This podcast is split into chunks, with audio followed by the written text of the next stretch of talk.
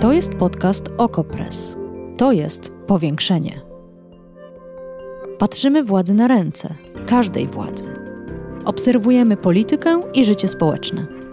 Ustalamy fakty, komentujemy wydarzenia i przede wszystkim rozmawiamy z Wami i z naszymi gośćmi.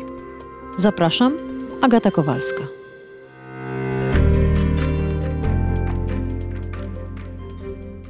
Psycha nie siada. To projekt społeczny mający na celu przybliżenie osobom w naszym wieku i rodzicom, jak ważne jest dbanie o zdrowie psychiczne. Projekt realizujemy w ramach Olimpiady Zwolnieni z teorii. Tak, na stronie projektu napisali Nina, Natalia, Piotr, Tymoteusz, Kamil, Karol i Szymon, licealistki i licealiści z Krakowa. Pomyślałam, że rzadko w mediach rozmawiamy z młodymi ludźmi. Sporo o nich dyskutujemy, ale bez nich. A to przecież ważne z dwóch powodów. Ich perspektywa jest równie cenna jak ta naukowców, ekspertek i badaczy. A po drugie, musimy jakoś za nimi nadążyć, bo nie słuchając, nie próbując zrozumieć młodych ludzi, za chwileczkę my, starsi, przestaniemy rozumieć świat. Zapraszam na powiększenie.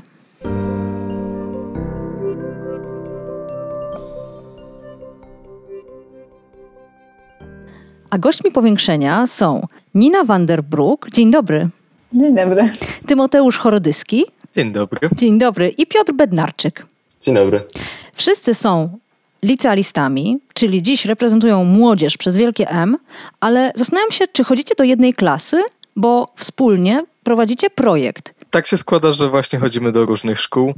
E, my z Piotrkiem uczęszczamy do piątego liceum w Krakowie, e, Nina do drugiego i ja akurat się tak złożyło, że jestem z Piotrkiem w jednej klasie. Ale to, jak to jest możliwe, że uczniowie nie tylko z różnych klas, ale z różnych szkół wspólnie postanowili e, zrobić projekt? Tak jak Tomek powiedział, z Tymkiem chodzę razem do szkoły w liceum.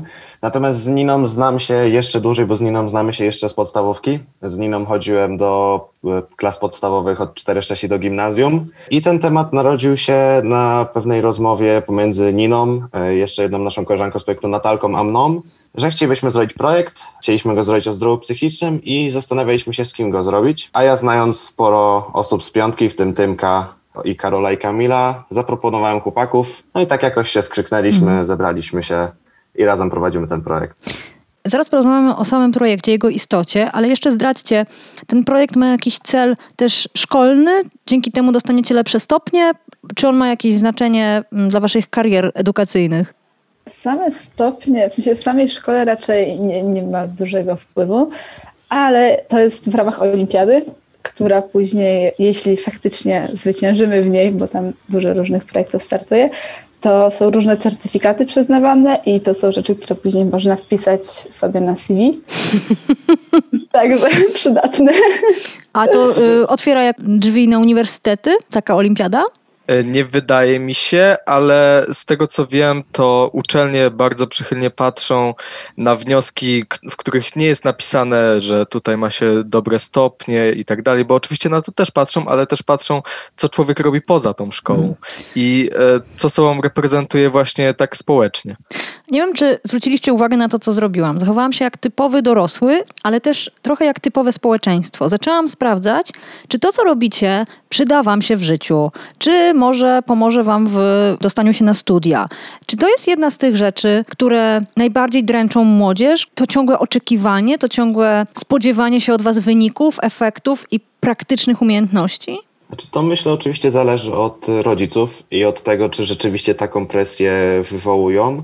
Natomiast no, na pewno jest to pewnie nawet niestety dość e, częste zjawisko, że dzieci czy osoby, czy młodzież po prostu jest pod presją oczekiwań ze strony rodziców, rodziny, czy też po prostu społeczeństwa. E, Więc no, myślę, że Ameryki nie odkryje, kiedy się po prostu z tym stwierdzeniem zgodzę, że, że tak jest, że często słyszymy, że e, czy to, co robimy, w ogóle nam się przyda w życiu, albo czy robimy rzeczy, które nas rozwiną w kierunku przyszłej pracy i po prostu, czy sobie zapewnimy dobre życie. Myślę, że jest to niestety coś, co osoby w naszym wieku słyszą dość często. A czy pozostali się z tym zgodzą? Czy to, na ile to jest dręczące na co dzień? Na ile często myślicie o tym, czy marnujecie czas, czy wiecie, co chcecie robić w przyszłości?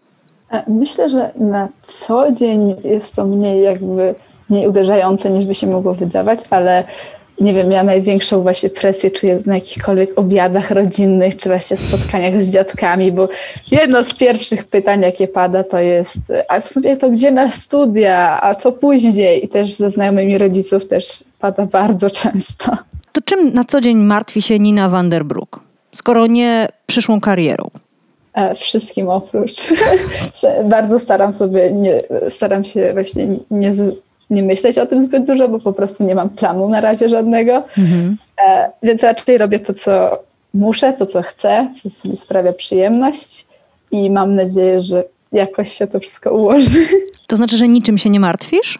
Nie, no martwię się, ale to przede wszystkim chyba najczęściej ilością rzeczy, które mam do zrobienia, bo nie chcę nikogo zawieść, że czegoś nie zrobię. Hmm. A z czasem nakłada mi się tego tyle, że po prostu z czegoś trzeba czasem zrezygnować. I, no i tym się chyba głównie martwię, że jak zrezygnuję z czegoś, czy powiem, że nie dam rady, no to zawiodę jakąś inną osobę. Hmm.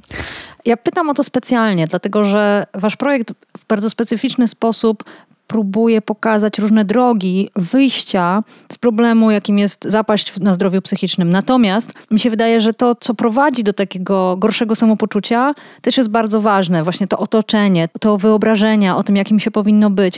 Jeszcze bardzo bym chciała, żeby Tymoteusz powiedział, czy się martwi, czy jest raczej człowiekiem radosnym i co, jak, jeśli już spędza mu sen z powiek.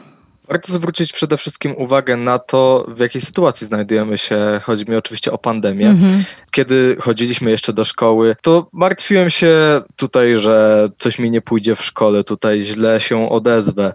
Na zdalnych lekcjach to trochę zanika. Jednakże ja na co dzień e, nie martwię się raczej szkołą. Rzadko mi się to zdarzało. Podczas egzaminu gimnazjalnego również się nie stresowałem, co było dla wielu może zaskoczeniem. No, dla mnie e, jest teraz. Na... Jak to się robi? Masz jakiś sekret? E, szczerze, nie wydaje mi się, może dlatego, że miałem dużą styczność właśnie z takim stresem szkolnym, szczególnie w podstawówce, kiedy e, na przykład podczas lekcji matematyki siedziałem, próbowałem siedzieć jak najbardziej z tyłu, żeby mnie pani nie zobaczyła, żeby mnie nie zabrała do tablicy. I myślę, że po takich przejściach niektóre rzeczy już nie robią wrażenia. Wzięcie kogoś do tablicy napełnia cię dużym stresem. Mm. A teraz to dla mnie coś normalnego tak naprawdę. No to jest, to jest myślę wyjątkowe, bo ja też miałam problemy w, w szkole, zwłaszcza na lekcjach matematyki, ale to nie sprawiło, że nauczyłam się radzić ze stresem, wręcz przeciwnie, jeszcze bardziej się go zaczęłam bać. To jest kolejna rzecz, to jest problem, kiedy się stresujemy, ale też jeszcze się boimy tego, że się stresujemy. No dobrze, to zajrzyjmy do waszego projektu Psycha nie siada. Kto wymyślił nazwę? Tak się ja, złożyło, że... Ja, wydaje mi się, że ja, że tak powiem, myśleliśmy o tym razem i ja tak mhm. rzuciłem, co mi przyszło na myśl że tak powiem, skleiliśmy z tego nazwę Psycha nie siada. Ja właśnie jak pierwszy raz usłyszałam o waszym projekcie, to myślałam, że on się nazywa Psycha siada, dlatego że jak spojrzeć na badania dotyczące stanu zdrowia psychicznego młodzieży w Polsce, to jest dramat. Zastanowił mnie optymizm w tej nazwie. Porozmawiajmy chwilę jeszcze o tym, co jest jeszcze trudne dla młodzieży w dzisiejszych czasach. Wydaje mi się, że dużo zależy od relacji z właśnie rówieśnikami. Jedni sobie radzą z tym lepiej, jedni gorzej. E, szczególnie jak teraz mamy pandemię, to badania wykazały, że introwertykom się taka sytuacja pandemiczna bardziej podoba, a ekstrawertyków to trochę przygasza. Mhm. A nie wspomnieliście w ogóle o tym, co działo się w szkole, co być może zupełnie zniknęło w związku z tym, że nie macie kontaktów bezpośrednich, czyli bu bullyingiem, jakimś takim hejtem, jakimś dręczeniem. A może to wciąż jest tylko mm, w internecie? Jak to wygląda?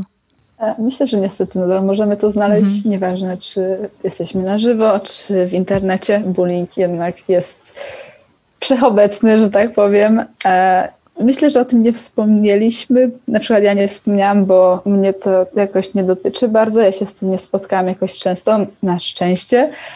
E, ale wiem na pewno, że to nadal się dzieje. No i w internecie, szczerze mówiąc, chyba dzieje się więcej, bo jednak jesteśmy pod przykrywką tego, że nie wiadomo do końca, kto pisze. Możemy mhm. się ukryć pod innym nazwiskiem i wtedy jakoś tak odważnie jest komuś powiedzieć, co o nim myślimy, mam wrażenie. Ale na tych lekcjach zdalnych jest spokój, czy też zdarzają się jakieś docinki?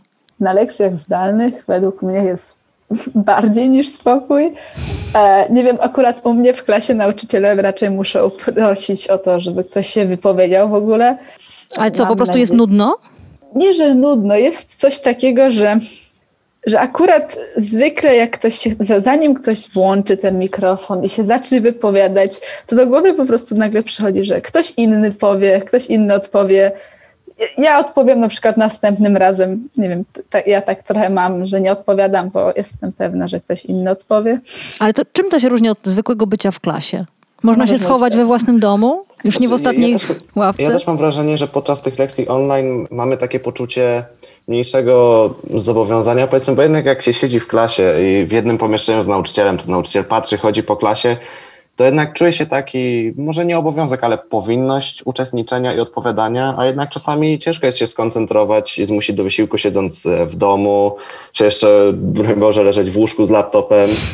Jakby jest to zupełnie inna sfera, inna atmosfera i po prostu czasami możemy uznawać, że nawet nam się nie chce, czy że nie jest to potrzebne, żebyśmy się odezwali. A nauczyciele was nie wywołują do tej zdalnej tablicy? Nie mówią teraz ty, teraz ty? Zależy od nauczyciela. Niektórzy rzucają pytania, że tak powiem, w przestrzeń i kto jest chętny, ten odpowiada, natomiast niektórzy już zwłaszcza na przedmiotach typu e, polski czy matematyka, już zdarza się, że wywołują po imieniu, żeby, żeby wszystkich aktywizować. Mm. Przejdźmy do tego momentu, w którym ktoś czuje, że jest mu źle, że jest codziennie przygnębiony, codziennie przestraszony. Jak to jest, e, jeśli chodzi o zwracanie się po pomoc e, w waszej ocenie? Do kogo obecnie, nie mówimy o ideale, mówimy o tym, jak jest, do kogo obecnie młodzi ludzie przede wszystkim się zwracają po pomoc? Wydaje mi się, że na ten moment do osób najbliższych, czy to przyjaciół, czy rodziny.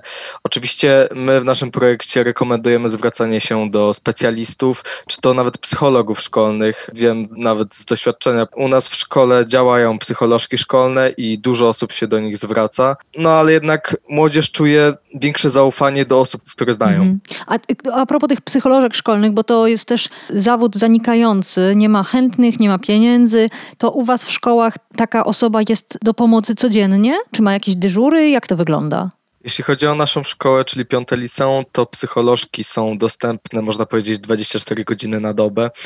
Wow, naprawdę? I są bardzo chętne pomocy. Psycholożki działają tak, że po prostu osoba, która chce się z nimi zobaczyć, to niekoniecznie na kamerce. Niektóre osoby wolą się spotkać na kamerce, ponieważ wolą się pokazać, żeby mhm. to spotkanie było bardziej żywe, ale właśnie psycholożki wysyłają taką wiadomość zwrotną na Librusie do osoby, gdzie podają mail lub numer telefonu i w taki sposób się łączą te dwie osoby. Wow, ale to naprawdę brzmi dobrze.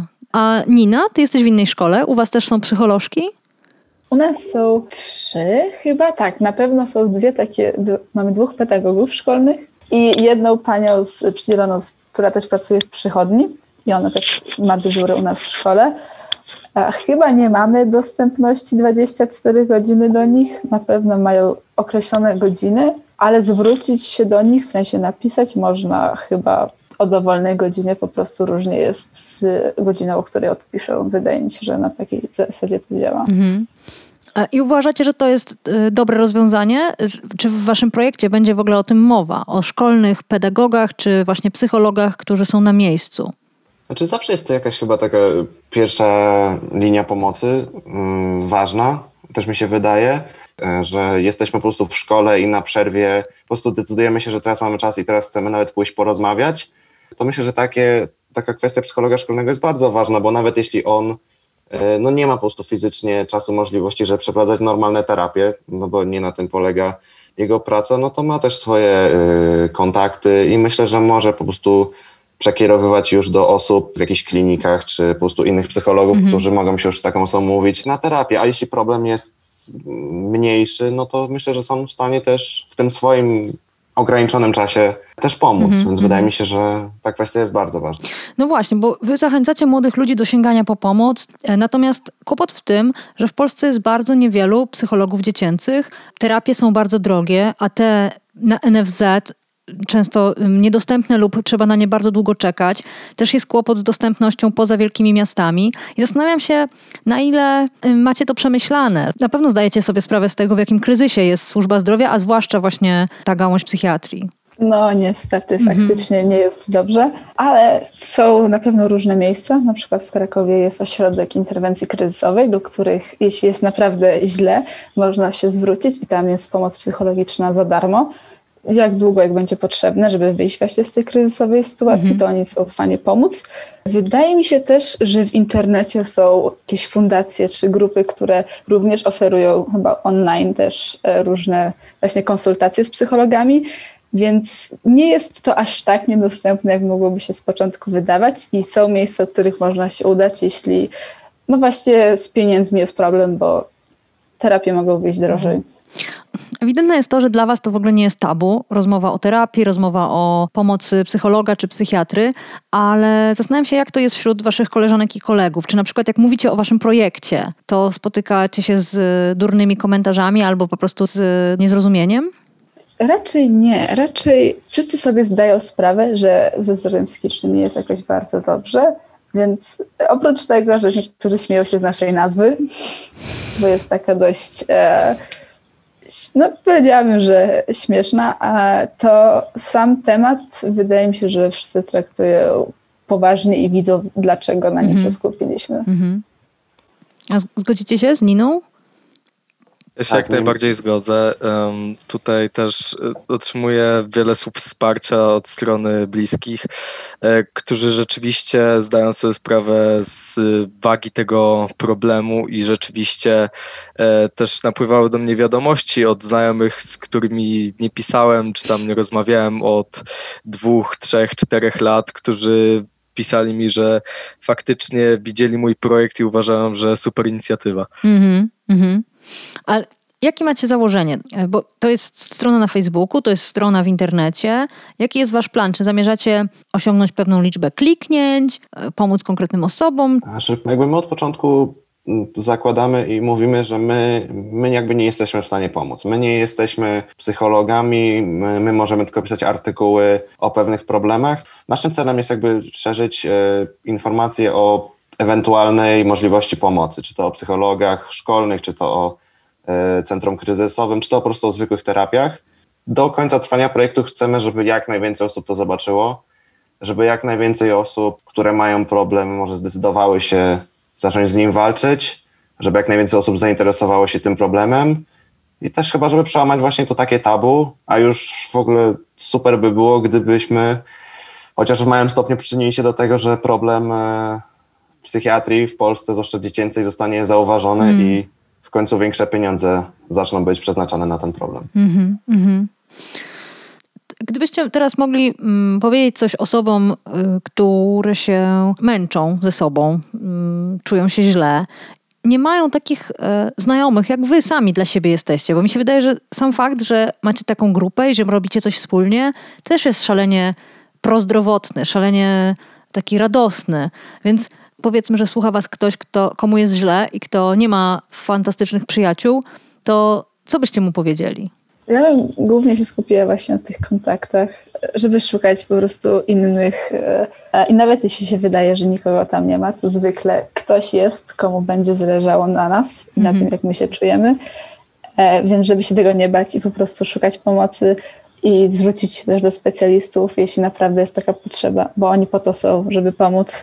No i głównie, żeby się po prostu, powiedziałabym, nie bać poprosić o pomoc, bo mam wrażenie, że wiele osób się boi po powiedzieć, że ma problem, w ogóle przyznać. To, że to jest coś normalnego, że każdy z nas ma gorsze, lepsze dni, i niektórych one trwają faktycznie dłużej, żeby po prostu o tym mówić i, i szukać tej pomocy gdziekolwiek się da. No podejrzewam, że Tymoteusz, który nie boi się egzaminów, ma jakiś też złoty sposób na to, żeby pomóc tym, którzy się źle czują. Szczerze to rozmowa, tak mi się wydaje. Rozmowa jest kluczem do wszystkiego. Głównie chodzi o osoby, które czujemy, że są nam tak bliskie, że możemy im powiedzieć wszystko. A Piotr?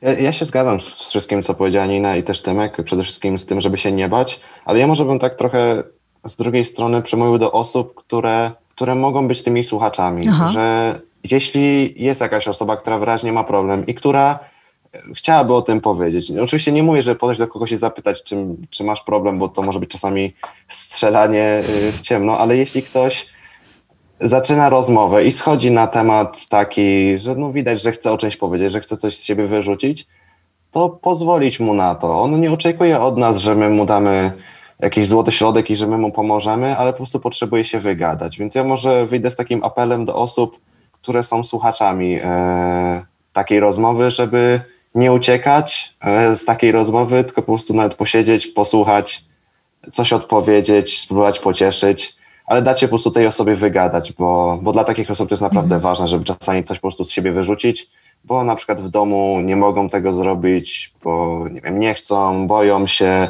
wstydzą się, czy po prostu uważają, że rodzice ich nie wysłuchają. E, To naprawdę warto jest takiej osoby posłuchać, bo to naprawdę może im chociaż na jakiś krótki okres pomóc. Mhm. A jeszcze właśnie zostań przy głosie, bo e, na stronie piszesz, że uważasz, że edukacja młodzieży jest ważna, ale nawet ważniejsza jest edukacja rodziców. To co byś powiedział rodzicom, którzy są z tych, co nie słuchają albo nie potrafią rozmawiać, źle się do tego zabierają? Masz dla nich jakieś porady? Ja wiem, że problem e, psychiatrii dziecięcej jest bardzo lekceważony, co dość mocno mnie boli, bo statystyki są okropne. Około 15 osób dziennie w Polsce popełnia samobójstwo i wiele z nich to są osoby młode. Więc jakby zachęcałbym naprawdę, żeby rodzice posłuchali dzieci, nawet jeśli nie potrafią im pomóc, to żeby wysłuchali i zdecydowali, że może trzeba się do kogoś zgłosić. Zwłaszcza w momencie, kiedy tak ten problem jest lekceważony i gdy rodzice też nie wiedzą, jak się, jak się za to zabrać. Tak powiem, ja takiego przykładu często używam, że uczymy wszystkich ludzi, jak udzielać pierwszej pomocy, Tak. a de facto jakby poruszyć temat pierwszej pomocy psychologicznej, to nikt nawet nie wie, że coś takiego istnieje. Więc z jednej strony nie chcę winić rodziców, którzy nie potrafią pomóc, bo nie dziwię im się, że nie potrafią, bo nikt ich tego nie uczy i stąd uważam, że edukacja rodziców powinna być równie ważna albo ważniejsza. A z kolei do rodziców, którzy nie chcą rozmawiać i nie chcą widzieć problemu, to naprawdę mam apel, żeby jednak zechcieli chociaż chwilę poświęcić i posłuchać, żeby uniknąć no nawet tragedii w późniejszym czasie. Mm. To już na koniec zupełnie, bo to jest strasznie ważne, co powiedział Piotr, że uczymy pierwszej pomocy, ale nie pierwszej pomocy psychologicznej. Czy w szkole przez ten cały czas, wszystkie lata, kiedykolwiek spotkaliście się na lekcjach z tematem właśnie zdrowia psychicznego? Czy to na lekcji wychowawczej, nie wiem, na WDŻ, tak to się nazywa? Czy w jakimkolwiek innej sytuacji? E, Osobiście mm, nie przypominam sobie, żebym spotkał się z taką lekcją e, o zdrowiu psychicznym. Do tego są właśnie przeznaczone lekcje wychowania do życia w rodzinie. Tam najczęściej, przynajmniej w gimnazjum, te, te lekcje wyglądały tak, że mówiliśmy o, o emocjach. Po prostu opisywaliśmy emocje i dobieraliśmy sytuacje, w których odczuwamy dane emocje. Ale to była bodajże jedna albo dwie lekcje w całym moim życiu, a tak to poza tym w ogóle o tym się nie mówiło. Mhm. Nino, miałaś zajęcia jakiekolwiek dotyczące e, zdrowia psychicznego człowieka? Gimnazjum i w podstawówce chyba nie. E, Nie przypominam sobie przynajmniej. W liceum ku zaskoczeniu tak miałam. Nawet ostatnio na wychowawczej przyszła do nas pani psycholog. Zrobiliśmy to z inicjatywy samorządu. Po prostu uczniowie wyszli z inicjatywą Aha, do psycholożek, wow, żeby okej. przyszły i trochę poopowiadały. I o czym, co, o czym była ta lekcja? Pamiętasz coś z niej? Tak, ta była głównie, bo też poprosiliśmy, żeby skupiła się na e, budowaniu poczucia własnej wartości, Mhm. e, więc głównie skupiła się na tym, od czego ją najlepiej uzależniać. Miałaś wrażenie, że- wszyscy słuchają, czy to było dla was wszystkich krępujące i ostatecznie jakoś wstydliwe? O dziwo, e, myślę, że wszyscy słuchali, a przynajmniej większość, e, co udowadniają według mnie też e, pytania, które później zadawali, bo no, zwykle nie ma zbyt wielu pytań, jeśli się nie słucha. Tutaj naprawdę pojawiło się ich zadziwiająco dużo. Hmm, super. To trochę mnie zdziwiło, ale, ale pozytywnie. I to była jedna lekcja, tak? Jedna lekcja, tak, tak, niestety. No dobrze, to tą jedną lekcją kończymy. Dziękuję Wam bardzo serdecznie. Nina Vanderbroek, Tymoteusz Chorodyski i Piotr Bednarczyk z projektu Psycha nie siada byli gośćmi powiększenia. Dziękuję ogromnie. Dziękujemy bardzo. Powiększenie. Podcast Okopres. Prowadzenie Agata Kowalska. Podcast znajdziesz na stronie Okopres i w Twojej ulubionej aplikacji do podcastów. Redakcja Okopres działa od 2016 roku. Jesteśmy obywatelskim narzędziem kontroli władzy, obecnej i każdej następnej. Okopres utrzymuje się z Waszych darowizn. Wesprzyj nas, byśmy mogli działać dalej.